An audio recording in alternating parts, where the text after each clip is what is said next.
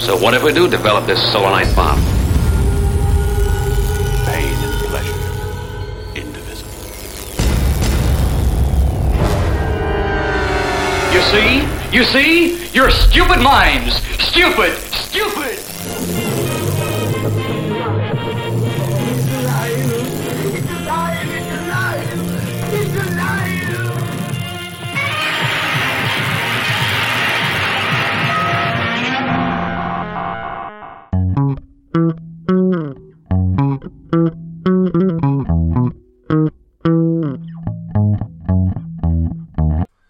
Cześć, nazywam się Rafał Ściński.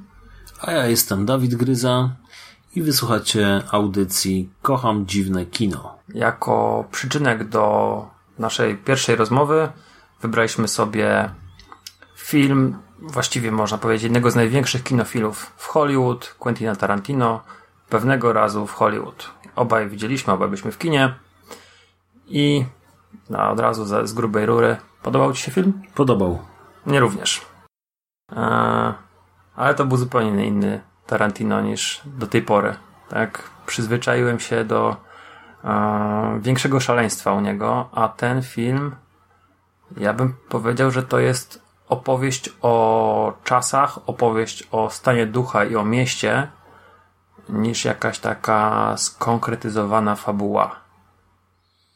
No wydoroślał nam Quentin Tarantino, może niestety, bo faktycznie tutaj z rozrzewnieniem się wspomina te wcześniejsze filmy, które po prostu ekran rozsadzały swoją dosadnością, przemocą. E, I to jest coś, czego mi faktycznie trochę brakowało. Brakuje w tych nowych filmach Tarantino, bo Nienawistna ósemka uważam, że jest to jego najsłabszy film spośród tych dziewięciu, które wyreżyserował. No, któryś musi być najsłabszy. Mi się wydaje, że ta nienawistna ósemka jest najsłabsza, ale jak teraz o tym pomyślę, to było to jakieś pewne zasygnalizowanie być może już wtedy nowego Tarantino, że to już ten facet jednak trochę no nie wiem, czy spoważniał, może stetryczał, może zdziadział, ale no pewnie, no czym Dlaczego my sobie w ogóle myśleliśmy, że będziemy oglądali cały czas taki sam film, tak? Cały czas mhm. Pulp Fiction. No, to jest za każdym, za każdym razem Tarantino zachwyca. W różny sposób, ale za każdym razem te jego filmy są. Zauważ, że no, stosunkowo rzadko teraz mówi się, że idziemy na film jakiegoś reżysera, no nie? Mhm. No mam wrażenie, że no teraz być może to też są jakieś tam zmiany, ale mm, wykształcił się w latach 90. ten kult aktorów, że mało kto chyba chodził do kina na reżyserów. Mam wrażenie, że w latach 90. się chodziło, nie wiem, na filmy z Julią Roberts, albo Bradem Pittem, albo De Niro, a nie chodziło się, że o, nowy Scorsese. Chyba tak. Chyba tylko a rzeczywiście tak jest, bo drugim nazwiskiem, um, o którym myślę, że kolejny film jakiegoś reżysera, to jest. Nowy Scorsese, Irlandczyk. Nie, akurat nie, nie, nie. Oh, wow. A to zresztą będzie na Netflixie. Drugim takim reżyserem jest Woody Allen, że za każdym razem masz reklamę najnowszy film Woody'ego Allena. I tam wiesz, wymienione są twórcy. Tam Wiki Cristina Barcelona czy coś w tym rodzaju, ale rzeczywiście w tej chwili mamy tasiemce y, filmy, serie. Czy to Marvel, czy to wiesz, jakiś tam zmierzch, Igrzyska Śmierci. Harry Potter. Dokładnie. A Gwiezdne tak naprawdę, Wojny. No właśnie, nawet te Gwiezdne Wojny, kurde, no to już nie, nie są filmy George'a Lucasa. Jeszcze, jeszcze wtedy było George Lucas, wiesz, wy utożsamiałeś nazwisko, chociażby z tą, przy tej nowej trylogii. No to dzięki Bogu nie są już George Lucas. e, ale tak, to jest jeden jeszcze z takich mocnych nazwisk, gdzie rzeczywiście i reklamujesz tym nazwiskiem film i idziesz dla niego, dla tego nazwiska do kina, mm, właściwie nieważne, czy to będzie film osadzony w epoce Dzikiego Zachodu, czy to będzie film wojenny, czy to będzie kung fu, ale idziesz, bo Tarantino. Tak jest. Zgadzam się. No tak jest. No i właśnie, i to też miałem wrażenie, że dużo osób, yy, która tam z kinem nie jest za pan brat na co dzień, to też jednak na tego nowego Tarantino się wybierało, więc to chyba działa jakoś tak. Zresztą ten film miał w ogóle nieporównywalnie większy budżet do poprzednich filmów Tarantino. No chyba kosztował 70 milionów dolarów. 90 z tego. 90, o no właśnie. Więc... Yy... I widać ten budżet. Widać, widać bo Hollywood a, żyje i tam naprawdę odtworzenie, ja nie wiem czy, czy Tarantino raczej nie widział tych miejsc, ale wiesz, to jest ta pożyczona nostalgia pewnie u niego występuje, czyli e, nostalgia do czasów, o których czytał, o których, e, o które się o, o, otarł, mm, no bo te knajpy, te kina, te ulice, to, to, to są naprawdę takie pocztówkowe aż. Jest w nich e, też taki, nie wiem, ja bym to powiedział, że to jest taką miłość widać w tym obrazie, który on prezentuje. Te, tego Hollywood, tych samochodów, które jadą. Zauważ, te sceny, gdzie mm, postać grana przez Pita jedzie sobie samochodem, to ten facet jedzie tam dwudziestką i, i mija sobie piękne scenki, gdzieś tam przechodniów, mija samochody, y, wjeżdża na jakąś... Owłosione hipiski. Owłosione hipiski. Wjeżdża na jakąś obwodnicę i widzimy panoramę jakąś małą. A, czy przejeżdża nawet przez to kino dla samochodów. To są, to są no, takie pocztówkowe obrazki, ale... Mm, o ile często można sobie, wiesz, e, zgrzytać zębami i, i, nie być zadowolony z takiej inscenizacji, to u Tarantino to strasznie autentycznie wygląda, bo ten facet kocha tamtą epokę, on zawsze do niej nawiązywał. No przecież zawsze. No, mówimy na przykład o Pulp Fiction, które jest takim właśnie też nawiązaniem do tych, tej końcówki lat 60., początku 70.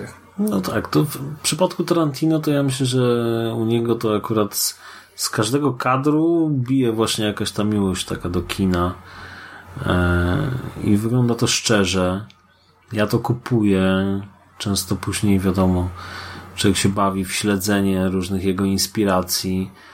E, trafia przez to też na jeszcze inne filmy, które są równie ciekawe, ale nie mieliśmy szansy ich nigdy zobaczyć. E, tak, Tarantino świetnie potrafi cytować popkulturę. On zresztą już od samego początku część osób mu zarzucała właśnie to, że on wręcz kopiuje niektóre sceny z innych filmów, ale no jest to właśnie trochę na, na zasadzie bawienia się muzyką współczesną, która też jest robiona z jakichś tam lupów, fragmentów zapożyczonych z innych piosenek. Także no, potrafi to jakoś zgrabnie utkać i cokolwiek, na cokolwiek byśmy jego nie poszli, to no, no dostajemy jednak kino na najwyższym poziomie, nawet jeśli jest to słabszy jego film, to to dalej jest poziom mm, no, do którego daleko innym reżyserom. Mhm.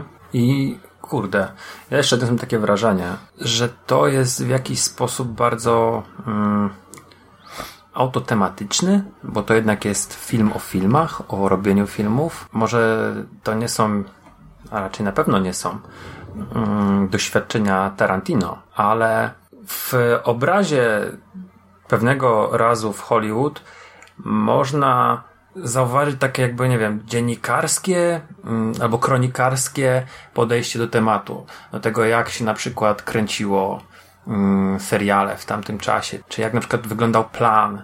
No, to, to, to są ważne sceny, bo to nie jest takie przypadkowe gdzieś tam przejechanie kamerą i y, 10 sekund poświęcenie, tylko tam na, na ten temat, tylko tam rzeczywiście, no, duża część początku, pierwszej połowy filmu dzieje się właśnie na, na planach. I wydaje mi się, że to też jest jakiś taki właśnie trochę lekki hołd dla tych wszystkich e, aktorów już zapomnianych, dla tych kaskaderów, którzy pracują przy tych, zresztą no to przez wiele lat kaskaderzy byli w Hollywood traktowani, no, na równi ze zwierzętami. No ale przede wszystkim, gdzie się dzieje akcja filmu? Akcja filmu dzieje się w Hollywood, więc podejrzewam, że siłą rzeczy musi się dziać też w dużej mierze na planach filmowych lub całą tą otoczką filmową, czy tak jak jest tutaj właśnie mm, seans w kinie, na który wybiera się Sharon Tate.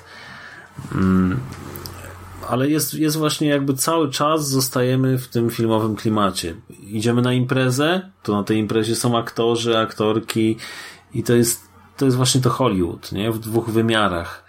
Jakby z jednej strony tym stanem umysłu, a z drugiej po prostu z miejscem na mapie, które jest przy okazji też właśnie świątynią kina i, i to tam życie rozgrywa się na planie, można powiedzieć. Mhm. I, I Tarantino to bardzo fajnie uchwycił. Kręci się wokół, przynajmniej w tej części, którą on tam pokazał, że kręci się wokół przemysłu filmowego albo wokół przemysłu telewizyjnego, ale e, wszystkie rozmowy Tutaj już nie ma o masażu stóp rozmowy, czy mm, o tym, gdzie gdzieś tam pojechał na koniu, tylko wszystko dotyczy serialu, pilota, e, gry aktorskiej, czy ostatniego filmu.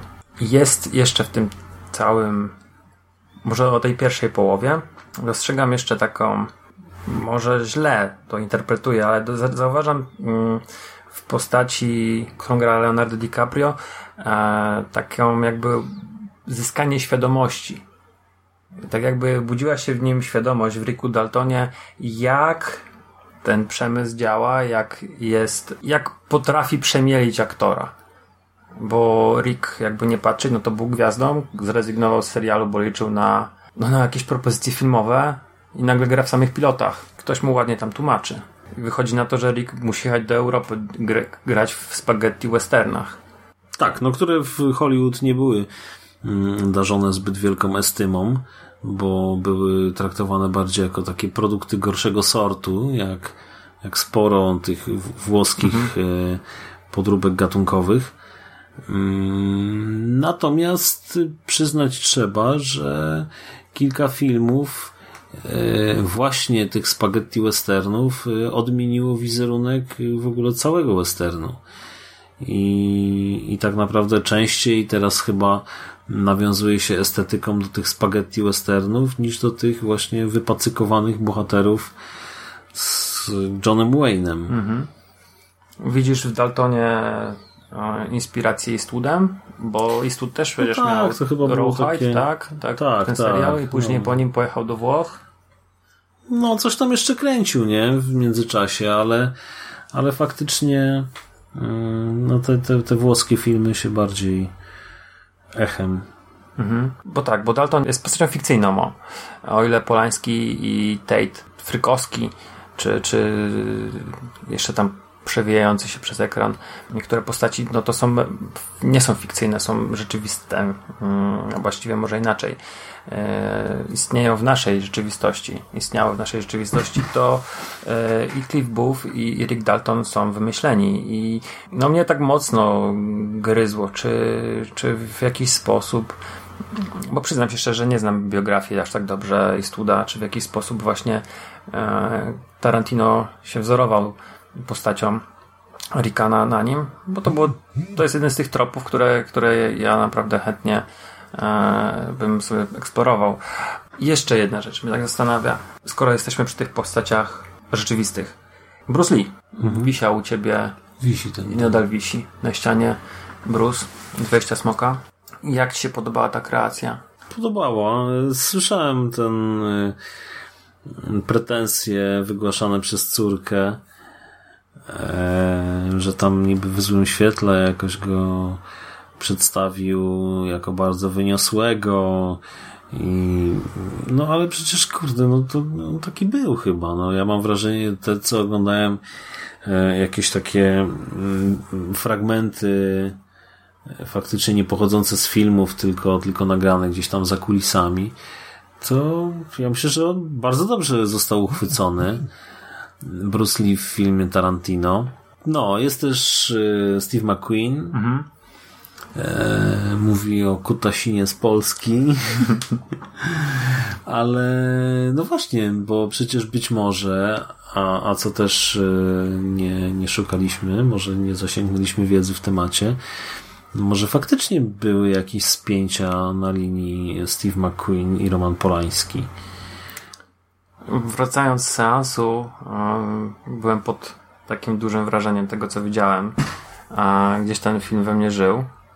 I zaraz sobie sięgnąłem po książkę um, Polańskiego, autobiografię, roman. E, oryginalny tytuł to Roman by Polański. To jest książka z 1984 roku. Ja ją już dawno temu, 15 lat temu czytałem w liceum, kiedy dowiedziałem się w ogóle um, o Charlesie Mansonie. Bo to się wskaczyło od Merlina Mansona, bo przeczytałem w gazecie, że on wziął pseudonim od Marilyn Monroe i od Charlesa Masona i, i gdzieś w gdzieś to czytałem, ale powiem szczerze, że nie pamiętam właściwie tej książki, prawie w ogóle. A ona opowiada o tym właśnie, jak sobie tam te, te pierwsze lata właśnie w Hollywood Polańskiego, ale też y, nie pamiętam nic zupełnie o Steve McQueenie, ale to też mówię, wróciłem, przeczytałem dosłownie kilka, nawet nie rozdziałów, tylko wersów i zostawiłem tą książkę na trochę późniejszy okres, bo w tej chwili tam mam trochę tych lektur rozbebłanych. Ale to jest właśnie, tak mam wrażenie, że to jest taki właśnie też film, który fajnie wprowadzi w tą literaturę, bo mam to wszystko przed oczami cały czas. To było takie bardzo plastyczne, bardzo dobrze oddawało mm, klimat tamtego czasu. I jeszcze wracając do chwili do Bruseli, ja też uważam, że to było fajne sportretowanie. Teraz się nawet Karim Abdul-Jabbar, który podobno był jego wielkim przyjacielem, wypowiedział na ten temat, że no, za, zarzucając Tarantino, że nie zachował odpowiedniej staran staranności w przedstawieniu Brusali, bo Bruce Lee nigdy nie podjąłby takiego pojedynku. On zawsze stronił od walki, podobno poza planem, czy poza dojo, czy, czy, czy ringiem. Ja nie wiem. Aż tak też mam takie wrażenie, że właśnie w tych swoich wszystkich przemówieniach on często wypadał wręcz komicznie Bruce Lee, mimo całej, całej jakiejś tam estymy, którą go darzę, to jest coś takiego przerysowanego w nim, jako co dopiero jeszcze w tej roli u Tarantino. Ale jeszcze jest jeden problem. Mm, ta córka Bruce'a Lee i Karim Abdul-Jabbar pokazują, że mm, Myślałem, że ona jest ich wspólną córką, Bruce'a Lee i Jabara. O, to, to pokazuje, że wiesz, że te wszystkie biopiki, nie? One są w pewnym sposób skazane, jeżeli, jeżeli ktoś nie ma odpowiedniego dystansu do, do tego, co robi filmowiec, na przekłamanie, bo a właściwie może na, na wygładzenie całej tej historii, jak chociażby miała, miało to miejsce Bohemian Rhapsody, gdzie mhm. Freddie Mercury jest postacią strasznie ugrzecznioną i... Tak, e... tak. No, ale ja nie spodziewałem się, że zobaczymy tam e, homoseksualizm rodem z filmu Cruisin e, z Alem Pacino. Mhm. E, u nas jak to było przetłumaczone? Zadanie specjalne to było chyba. E, no, no to tam to są po prostu takie klimaty e, no myślę, że takie, które by odpowiadały Frediemu, no. Tylko, że to jest ugrzecznione mhm. strasznie. No. Jest tam jakiś może troszeczkę tej estetyki przemycili. Mm, no i fajna być może to będzie zachęta dla, dla młodszego odbiorcy, żeby się w ogóle jakoś zapoznał. E, ja też przyznam, że najpierw obejrzałem film e, Johna Carpentera o Elvisie Presleyu, a dopiero później zafascynowałem się osobą Presleya.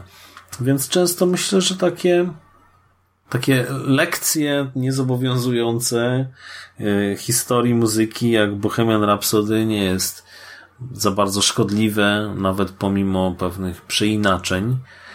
E, ale tutaj przypierdolanie się o Bruce Lee to jest skok na kasę tylko, według mnie, że panie Tarantino upiecze pan ciasto, kurczę, za może miliard dolarów, to może mi też by pasowało tam mhm. kawałek odkroić plasterka, nie? Oj, chyba do miliarda nie dobije. Nie, pewnie, że nie. powoli te miliony skumuluje, ale... Pewnie, że nie, ale zauważ, że takie, takie pretensje wchodzą dopiero w grę, kiedy mówimy o prawdziwych pieniądzach, mhm. tak?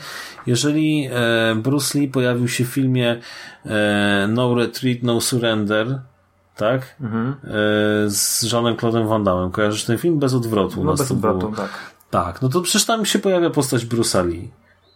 Bruce A, Lee tego się... akurat nie pamiętam. No, to jest lwia część filmu. To jest taka, że koleś po prostu e, bardzo lubi Bruce Lee, ma e, plakat z wejścia smoka, tylko inny, nie taki jak ja, ma ten z Nunchaku. Aha, okej, okay, no w żółtej stroju. I, I on tam mistrzu, mistrzu, e, ale stary się na niego tam pewnego dnia wkurwia, drze mu ten plakat, on jest taki zrozpaczony bardzo i gdzieś tam tej nocy mu się mistrz objawia i go uczy właśnie jak ma trenować, mhm. żeby pokonać Wandama, bo Wandam jest tutaj złym no. ruskim. No i tam też jest przecież Bruce Lee, no ale no podejrzewam, że nikt nie wpadł na pomysł, żeby coś sobie rościć z takiego filmu, no bo ile ten film zarobi pieniędzy. Mhm. A jak tutaj jest już grube miliony do podziału, to wtedy się dopiero komuś no, czuje obrażone uczucia. A według ciebie um, dawno temu w Hollywood może być takim, takim przyczynkiem do nauki? No pewnie, że może być. Jasne, każdy film Tarantino to jest coś takiego. E, a tutaj tak, zresztą Tarantino też już się świadomie bawi w to, bo przecież podrzuca te różne tropy swoje e, podczas wywiadów, gdzieś tam mówi o filmach, które go inspirowały podczas e, pracy nad, nad filmem, nad scenariuszem. E, więc to już jest taka zabawa dla, dla jego fanów. Zastanawiam się na przykład, jak wiesz, taki casualowy, taki niedzielny widz, który idzie w Tarantino, gdzieś tam sobie, wiesz, po drodze obejrzał Kill Billa i Inglourious Bastards i trafia na ten film i on, kurde, no jednak tak mi się wydaje, że może być zostawiony bardzo mocno na lodzie, bo nie jest to. Mm, nie pada. Chyba Charles Mason chyba nie pada w ogóle na ekranie. Mówią o nim Charlie. Gdzieś tam się przewija dosłownie przez dwie sceny. Mhm. Mm, I też wiesz, no ta. ta cała era Nixonowska którą, którą pokazują nam w filmie, bo są wspominane wybory, mhm. ale też no, jest Wietnam, nie? Są dzieci kwiaty. Ona nie jest w jakiś tam sposób u nas omawiana. My mhm. mamy obaj za sobą Netflixowy film o Wietnamie, serial o Wietnamie, ten kilkunastogodzinny. Mhm. Świetny obraz swoją drogą i mamy na pewno już dzięki temu zdecydowanie większe pojęcie niż lwia część publiki, która tego nie widziała. I jestem ciekawy, czy to jest czytelne, czy, czy oni wiedzą w ogóle, co oglądają. No bo też umówmy się, że to, to, to morderstwo Sharon Tate już e, trochę odżyło dzięki Tarantino trochę zaczęło się może znowu o tym mówić, ale jakoś też nie bardzo, bo ostatnio w kontekście polański pojawia się raczej y, pedofilii i molestowania. Szczególnie ostatnio w, polskiej, w polskich mediach w, w kontekście pedofilii. Więc no bo co, no, no księża pedofile, no to trzeba teraz trzeba było przykryć. zaatakować, no. A, jestem ciekawy bardzo, bo wiesz, ja, ja wiedziałem co oglądam, widziałem mniej więcej jakie były nastroje i w tamtym czasie dlaczego mm, mówili pieprzoni hipisi, nie? E, szczególnie Cliff, który wjeżdżając na to rancho miał takie pogardliwe spojrzenie wobec wszystkich, no bo Cliff był weteranem. No i walczył i wiadomo, że tamta wojna spolaryzowała, szczególnie na początku, spolaryzowała bardzo społeczność. To był wielki, wielki konflikt wewnętrzny Stanów Zjednoczonych. I, I on wjeżdża na to rancho i, i wiesz, niby z fajną laseczką sobie, a zresztą myślę, że scena z tą dziewczyną. To też mam taką jedno takie wrażenie, a, ale to, to zaraz do tego wrócę. Yy, wiesz, on wjeżdża na to rancho i... Ożywiłem się tutaj już. Ma takie trochę pogardliwe spojrzenie wobec tych wszystkich. Oczywiście im nie ufa i idzie sprawdzić tego swojego dawnego znajomego, pewnie z którym nawet nie zamienił zdania, po prostu udawał, że żeby tam wbić się i zapytać, czy go przypadkiem nie wykorzystują, bo, bo, bo szukał jakiegoś pretekstu, żeby tam zrobić rozpierduchę i znalazł. Wbili mu nóż w opona. I gościu dostał, wyżył się na nim, dostał dwie cewy w twarz. Mm. I... I wiesz, ja to wiedziałem, co ja oglądam, ale czy, czy widz, który wiesz, niedzielny, będzie wiedział kontekst, będzie wiedział? Myślę, że nie. I tutaj moim zdaniem chyba Tarantino mm, w bardzo swój sposób mm, ale inny niż zawsze, tutaj wprowadził widza. Nie, jest, jest, jest reżyserem mainstreamowym, a, a kontekst tego filmu wcale nie jest taki mainstreamowy. Przynajmniej tak mi się wydaje. Jeżeli ktoś nie jest um, wyrobionym kinomanem, i to może trochę tutaj polec. No nie wiem, no nie wiem. Powiem ci, że ja, ja bardziej tak e, wierzę jednak w ludzką inteligencję i myślę, że jak ktoś idzie na, na film Tarantino, to przynajmniej na tyle jest zorientowany e, w sprawach typu, e, że tam chodzi o, o stricte fabularną strukturę, tak? Że co się wtedy działo. A nawet jeżeli ktoś nie wie, mhm. to wydaje mi się, że to też nie przeszkadza. Nie jest potrzebna. Chyba nie jest to potrzebne. Tak mi się, to znaczy ja wiedziałem, bo akurat y, dwa tygodnie wcześniej zacząłem czytać y, książkę o Mansonie, mhm. o CIA, o różnych takich próbach y, z wpływaniem na ludzi y, za pomocą hipnozy i podawaniem im narkotyków halucynogennych te Mansonowe rzeczy do pewnego momentu, wiadomo, są odtworzone dość wiernie. E, czy to mm, w nazwiskach, które tam padają mm. wśród uczestników. E, w ksywkach takich. Tych, tak, jak on przyjechał faktycznie e, do tej posiadłości, którą zajmował Polański w poszukiwaniu producenta muzycznego. Te wszystkie rzeczy podobno faktycznie miały miejsce. Oczywiście aż do tragicznego finału, kiedy to i tutaj no będzie spoiler. No, nie przejmujemy się tym. Będzie spoiler. Bo Tarantino lubi pisać e, rzeczywistość na nowo. E, jako filmowiec ma do tego pełne prawo. E, I w sumie czemu każdy twórca filmowy o czymś marzy, tak? Jeżeli Tarantino wymarzył sobie inny finał II wojny światowej, to go sobie napisał. Jeżeli wymarzył sobie e, czarnoskórego e, byłego niewolnika, który mści się na swoich oprawcach, to sobie takiego stworzył. I tutaj stworzył sobie troszeczkę analogiczną e, sytuację, tylko że grupa no, niby właśnie sterowana przez Charlesa Mansona nie trafia do posiadłości Romana Polańskiego, tylko trafia do posiadłości Ricka Daltona. I, I wówczas dostajemy tego Tarantino, na którego czekaliśmy od dwóch i pół godziny. To prawda. Jest mocno ugrzeczniony, nawet w dialogach, chociaż tam są momenty, gdzie e, Rick Dalton w przyczepie wpada w taką mhm. lekką furię, ale to nie jest ten soczysty, brutalny w dialogach, e, ociekający wulgaryzmami Tarantino. No właśnie, z dziadzią, no z dziadzią, zestarzał się. I też pierwsza brutalna scena to właściwie sama końcówka filmu, bo o ile możemy powiedzieć, że no ktoś tam dostaje w mordę wcześniej i, i Bruce Lee wgniata drzwi samochodu, to nie jest taka brutalność, którą byś się spodziewał po tym reżyserze. A... No nie jest, ja to powiem Ci, że nawet byłem trochę zawiedziony w tym moim pierwszym odczuciu, no bo ogląda, oglądać ten film super przyjemnie, naprawdę, i tego mu nie można zarzucić. Natomiast y, no, czekałem na jakiś taki mocny akcent, coś taką właśnie igłę wbitą w serce, jak w Pulp Fiction. Coś takiego, co mnie mm, no nie wiem, pobudzi, tak? Mhm. Jeszcze bardziej. Chociaż byłem wyjątkowo pobudzony przed tym filmem.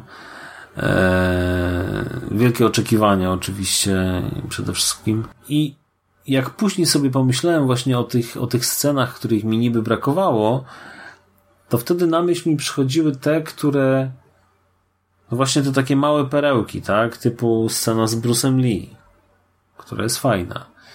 Scena właśnie na y, imprezie w willi Hugh Hefnera, właściciela Playboya. Mm.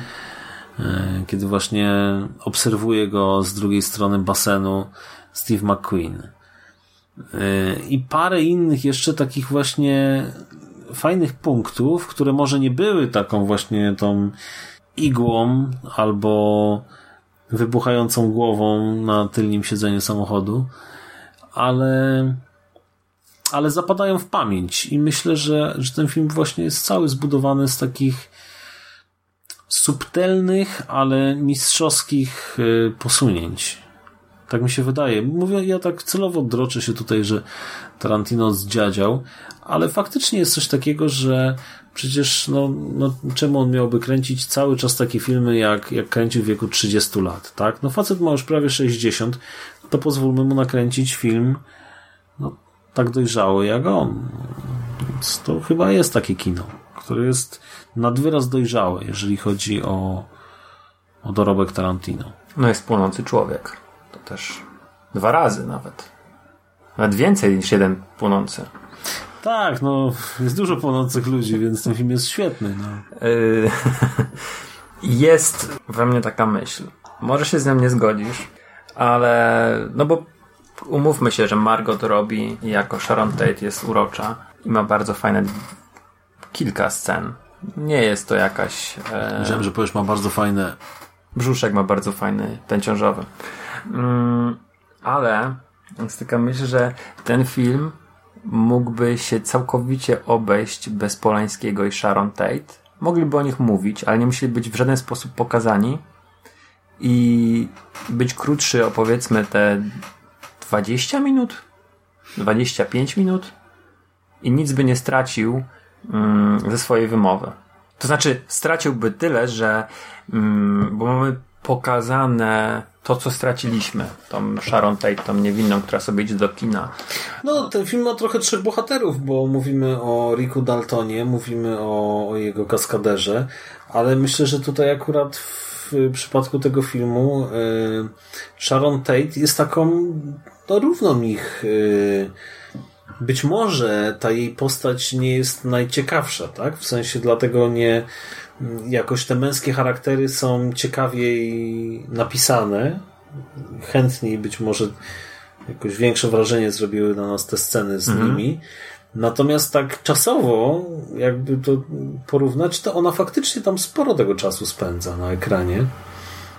Ale wiesz, jakie to są sceny? Ona włącza płytę ona y, robi kawę, ona jedzie samochodem i zabiera hipiskę, ona wchodzi do antykwariatu, oni się szykują na imprezę, jadą na imprezę i ona sobie tańczy i jest scena y, przejścia kamery przez posiadłość Hefnera. To nie no, są sceny. No dobrze, ale zobacz, ale. Wiele znaczące. Ale te sceny mówią nam o tym, jak było, tak. jak tak. wyglądał właśnie Hollywood, ten taki przez duże H, tak? Mm -hmm. Bo przecież y, nasz bohater grany przez Ricka Daltona, on właśnie nie może wskoczyć do tej pierwszej ligi, tak? Mhm. On, on był gwiazdą telewizji, później gdzieś tam jego czar prysł e, i, i później w zasadzie to no, na takim dorobku jest, tak? Gdzieś tam próbuje dopiero. Mhm. A e, Sharon Tate nie dość, że właśnie wyszła ciekawie za mąż za jednego z najbardziej twórczych chyba wówczas reżyserów filmowych. Dodatkowo sama występuje w jakichś tam filmach i no, wiemy jakie to były role, tak, ale ona jakby czuje się też z tym uzyskać to, co chciała, tak, bo jak mhm. jest ta scena właśnie z nią na tym pokazie nie pamiętam teraz jaki to jest tytuł Wrecking Ball mhm ze swoim udziałem, tak po cichu podpatruje reakcji publiczności i widzi, że publiczność żywiołowo reaguje właśnie na te momenty, w których ona się pojawia, więc ona, ona jest chyba szczęśliwa wtedy, nie? Czuje, że odniosła właśnie taki sukces. E, no i, i kolejne propozycje gdzieś tam też były. Tak, tak ja to odbieram, jako, jako też kolejny kolejny wgląd w Hollywood, tak? Jakby mhm. od innego szczebla. No tak, tu masz rację, zupełnie. Rzeczywiście nie pomyślałem o tym, że mamy tą wyższą ligę pokazaną. Bo... I to są imprezy, to są narkotyki, to są cudawianki, nie? Ale to już nie jest ta walka o przeżycie, taka jak w przypadku tych bohaterów naszych. Tak, bo to jest takie ślankowe życie. Zresztą jak jest pokazany Polański, Taki wiecznie uśmiechnięty gościu, tak. taki trochę chłopek, roztropek, tutaj sobie podyga przy muzyczce, porzuca piłkę psu, uśmiecha, uśmiecha się cały czas. Pytanie i moja jeszcze myśl a propos Polańskiego. zawierucha. No bo to jest, jakby nie patrzeć, film, który, o którym było głośno w Polsce, bo polski aktor gra polskiego reżysera w filmie Quentina Tarantino. No zawierucha nie ma dużo i istniała w ogóle obawa, że będzie wycięty. Podoba Ci się jego taka bardzo krótka rola i jego interpretacja Polańskiego? Tak, podobała mi się. Ja myślę, że na samym początku to my trochę opacznie zrozumieliśmy to, że Tarantino kręci film o masakrze w domu Polańskiego. Tak, bo ja myślę, że to będzie biopik Polańskiego. No i właśnie, i tak tutaj e, na, nastawiliśmy się na jakąś taką produkcję właśnie stricte, e, która będzie odtwarzała krok po kroku całą tragedię i, i unurzamy się cali we krwi. E, a to był tak naprawdę gdzieś tam, no była to jakaś warstwa fabularna, ale troszeczkę tak jak mówisz, tak? Równie dobrze mogłoby ich nie być, można byłoby troszeczkę inaczej opowiedzieć całość i też by się dało, tak? Mhm. Ja jestem zadowolony, że Polański mimo, mimo takiego powiedzmy no dość niefras, niefrasobliwego stylu bycia, on no nie wiem, no ja, ja się cieszę, że on został jednak mimo wszystko dobrze mm. nakreślony, nie? Że nie, nie mamy tutaj jakiejś beki z niego, czy, czy nie wiem. Chociaż nie spodziewałbym się po Tarantino, że mu się nie podobają filmy Polańskiego. Ale jeden przytyczek w nos jest. Scena, gdzie Cliff jedzie z hipiską owłosioną i on proponuje laskę i on się jej pyta o dowód i mówi, że e, nie jest głupi, żeby wpaść przez seks z nieletnią. I mam wrażenie, że to jest taki lekki pstryczek w nos Polańskiego. Mhm. Że tutaj Tarantino mówi mu byłeś największy i dałeś dupy totalnie, bo pukałeś małolatę. Mhm. I widzisz ten trep z wojska, który jest kaskaderem jest, jest bystrzejszy od ciebie, bo straciłeś, no może nie stracił wszystkiego, no bo kręcił filmy w Europie i, i, i dostał Oscara, ale nadal był uznany. No ale stracił to, to, to, to życie w Hollywood. E, nie wiem, ja tak odebrałem tę scenę. Mhm. Całkiem możliwe, tak. Mówi się, że morderstwo Sharon Tate to był taki okres, właściwie nie okres, to był taki punkt, który, w którym skończyło się pewnego rodzaju Hollywood, mm, gdzie pojawili się ochroniarze, już gwiazdy stały się mniej dostępne, że zaczęły żyć za murem, co nie jest do końca prawdą, ale pojawiają się takie głosy w literaturze, czy wiesz, jeżeli słuchasz sobie jakichś krytyków, badaczy kultury i, i oni o, tym, o tych czasach opowiadają, że do morderstwa to było wesołe Hollywood i wszyscy się świetnie bawili, byli świetnie skumplowani, był taki, byli, blisko ludzi, a później wprowadzili się do, do wielkiego niedostępnego zamku. Nie wiem, czy tak było, bo już lata 30 40 system studyjny te, te największe gwiazdy w jakiś tam sposób wybił poza nawias społeczeństwa. W sensie nie jakoś tam na, na margines, ale ponad społeczeństwo, że byli, wydaje mi się, że Elizabeth Taylor, czy nie wiem, Marilyn Monroe, to były niedostępne. I tutaj mamy niby Sharon Tate, która sobie robi zdjęcie z kasjerką. A właściwie nie, kasjerka jej robi zdjęcie przy plakacie. A tutaj nam Tarantino zrobił, wiesz, taką historię alternatywną. Hmm, mamy happy end, ale jestem ciekawy, czy ty widzisz właśnie w tym, co widzisz właściwie w morderstwie? O, zapytać tak. Co widzisz w morderstwie Sharon Tate? To rzeczywiście zmieniła się jakaś epoka, coś się przestawiło? To było zakończenie wesołych lat y, Hollywood i weszła jakaś mroczniejsza era? Czy są teorie spiskowe mówiące o tym też, że było to mm, celowe właśnie takie napiętnowanie mm, dzieci kwiatów tej wolnej miłości, że oni tak naprawdę wcale nie są tacy kochający i otwarci, jak się wszystkim wydaje, tylko właśnie są tacy jak rodzina Mansona. No, faktem jest, że y, wtedy techniki y, różnych podchodów były dość perfidne. Wysyłało się swoich agentów e, do różnych organizacji po to, żeby jakby rozwalili ją od środka, tak? I masę, masę ludzi, masę organizacji właśnie było tak w ten sposób poróżnionych. Gdzieś tam nawet i w Czarnych Panterach mieli Kreta swojego, więc y, tak samo mieli swoich ludzi wśród hipisów. Mówi się, że było to właśnie zaaranżowane celowo.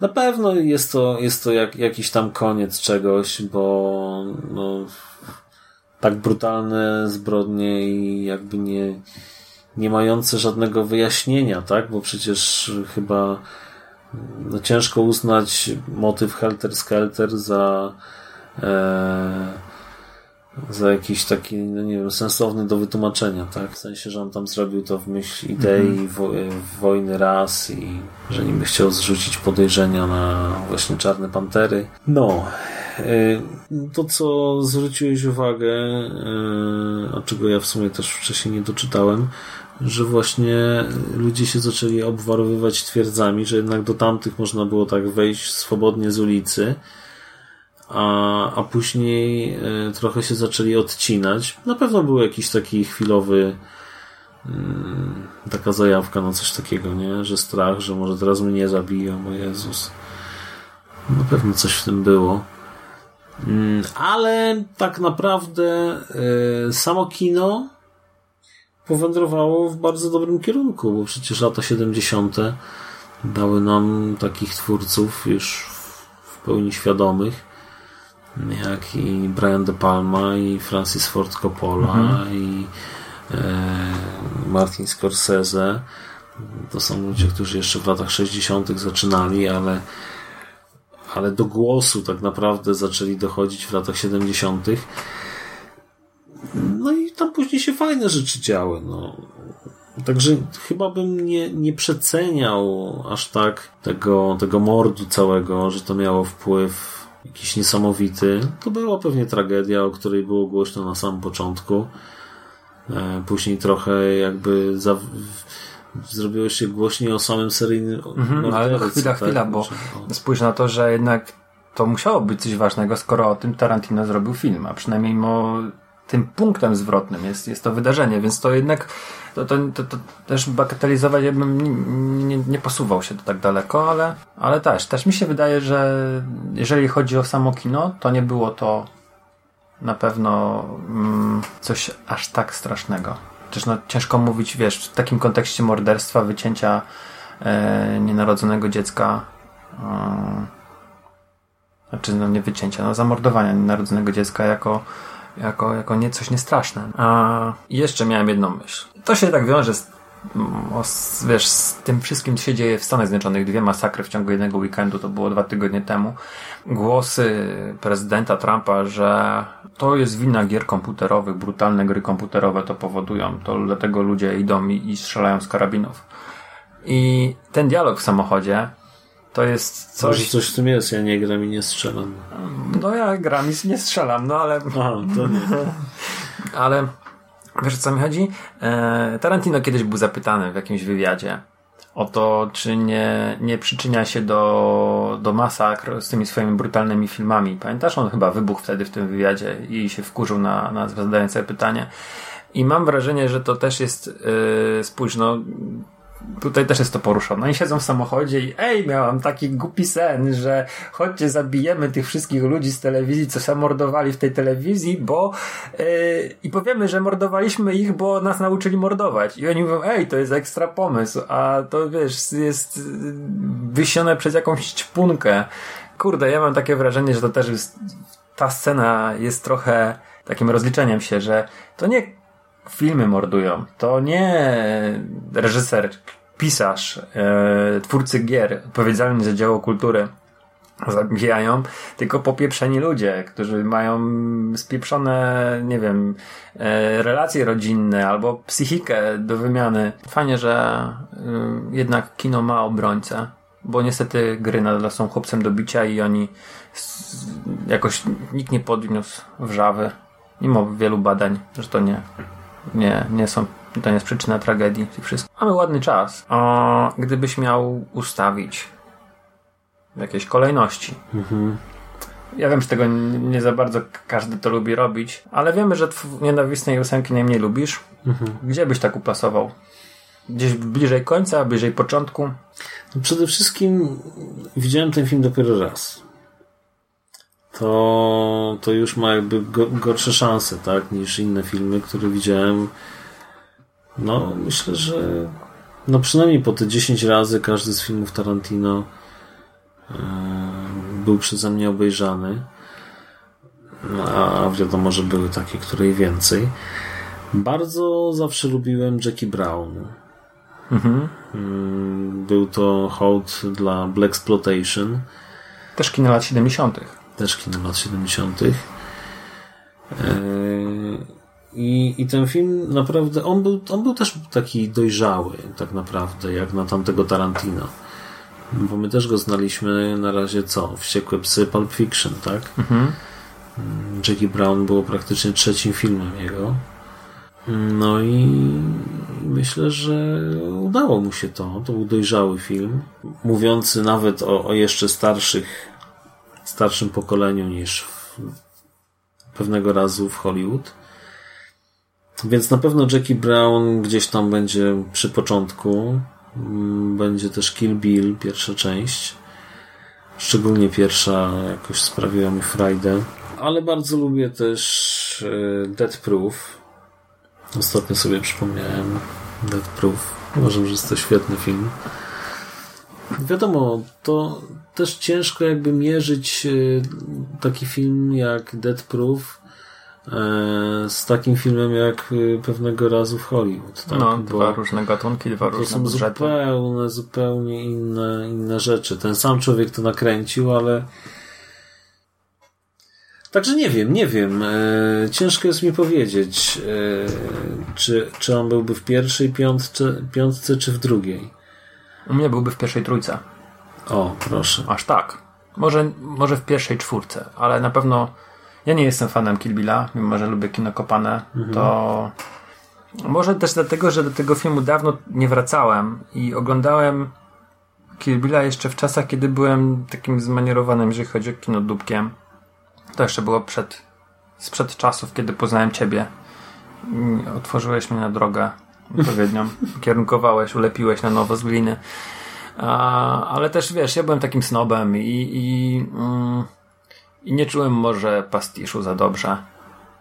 Nie lubię, ale to nie lubię Bękartów Wojny. Nie lubię tego filmu. On ma dobre momenty, ale jest dla mnie niestrawny, jeżeli chodzi o kompozycję i. Mm, nie przepadam za DevProof. To mamy tą, tą, to cztery już schodzą na dół. Ja pewno mhm. bardziej lubię, za pierwszym razem się wiele bardziej podobały Wściekłe Psy i Pulp Fiction, ale jeżeli miałbym stawiać to czy, czy Django, czy pewnego razu w Hollywood, bo tutaj sobie walczyło o tą trzecią lokatę i wydaje mi się, że pewnego razu w Hollywood a to dlatego, że jednak te lata, ten przełom lat 60., 70. i lata 70. jest moją chyba ulubioną epoką w kinematografii, takiej poważnej, no bo jeżeli chodzi o takie złe kino, no to lata 80. Ale lata 70., jeżeli chodzi o filmy, one no, obudziły we mnie miłość do kina w jakiś tam konkretny sposób. I ta era Nixonowska, ta wojna w Wietnamie, no ja za twoją namową obejrzałem ten serial Wietnam i bardzo gorąco każdemu, kto tego nie widział, polecam. Zawsze. Jest świetny. I to jest kawał historii, ale nie tylko tego mm, państwa w Azji, a tylko kawał historii Ameryki i, i, i, tych wszystkich nastrojów. Można wiele, wiele rzeczy w ogóle zrozumieć, jeżeli chodzi to przełożenie tych czasów na, na, na kino, na, na realia przedstawiane w wielu filmach. A, I ten film właśnie opowiada o tym stanie ducha, o tym mm, wiszącym nad scenami mieczem. Czyli bardzo, bardzo dobry nowy Tarantino. No. Bardzo dobry. Polecamy.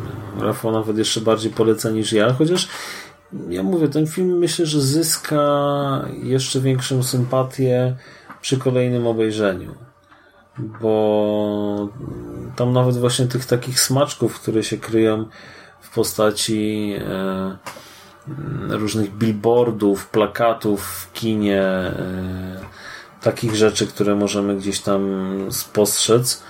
E, I już sobie możemy dodatkowo kontynuować ten klimat Tarantino poprzez właśnie obcowanie z filmami, z których on czerpał. I chyba jeszcze bardziej go wtedy docenimy. Zostałeś na scenie po napisach?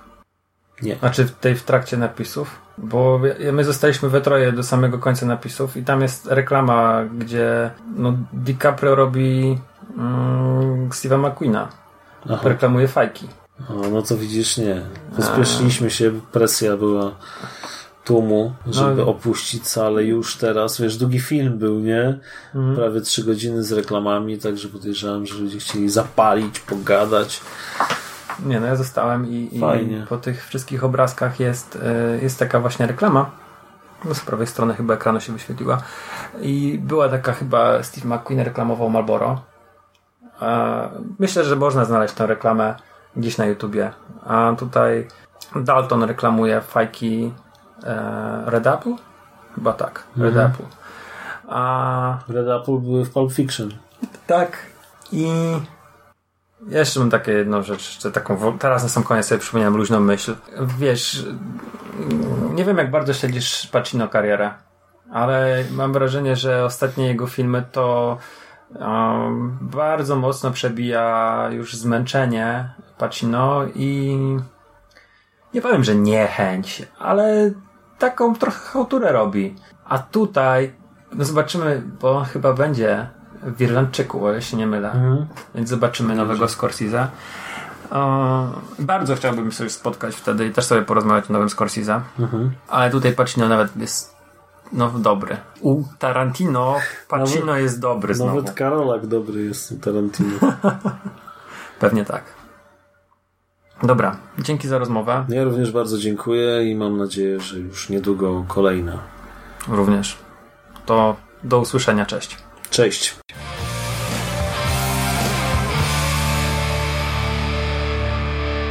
You finished? That's it, man. Game over, man. It's game over. What the fuck are we gonna do now? What are we gonna do? It's over. Nothing is over. Nothing. You just don't turn it off.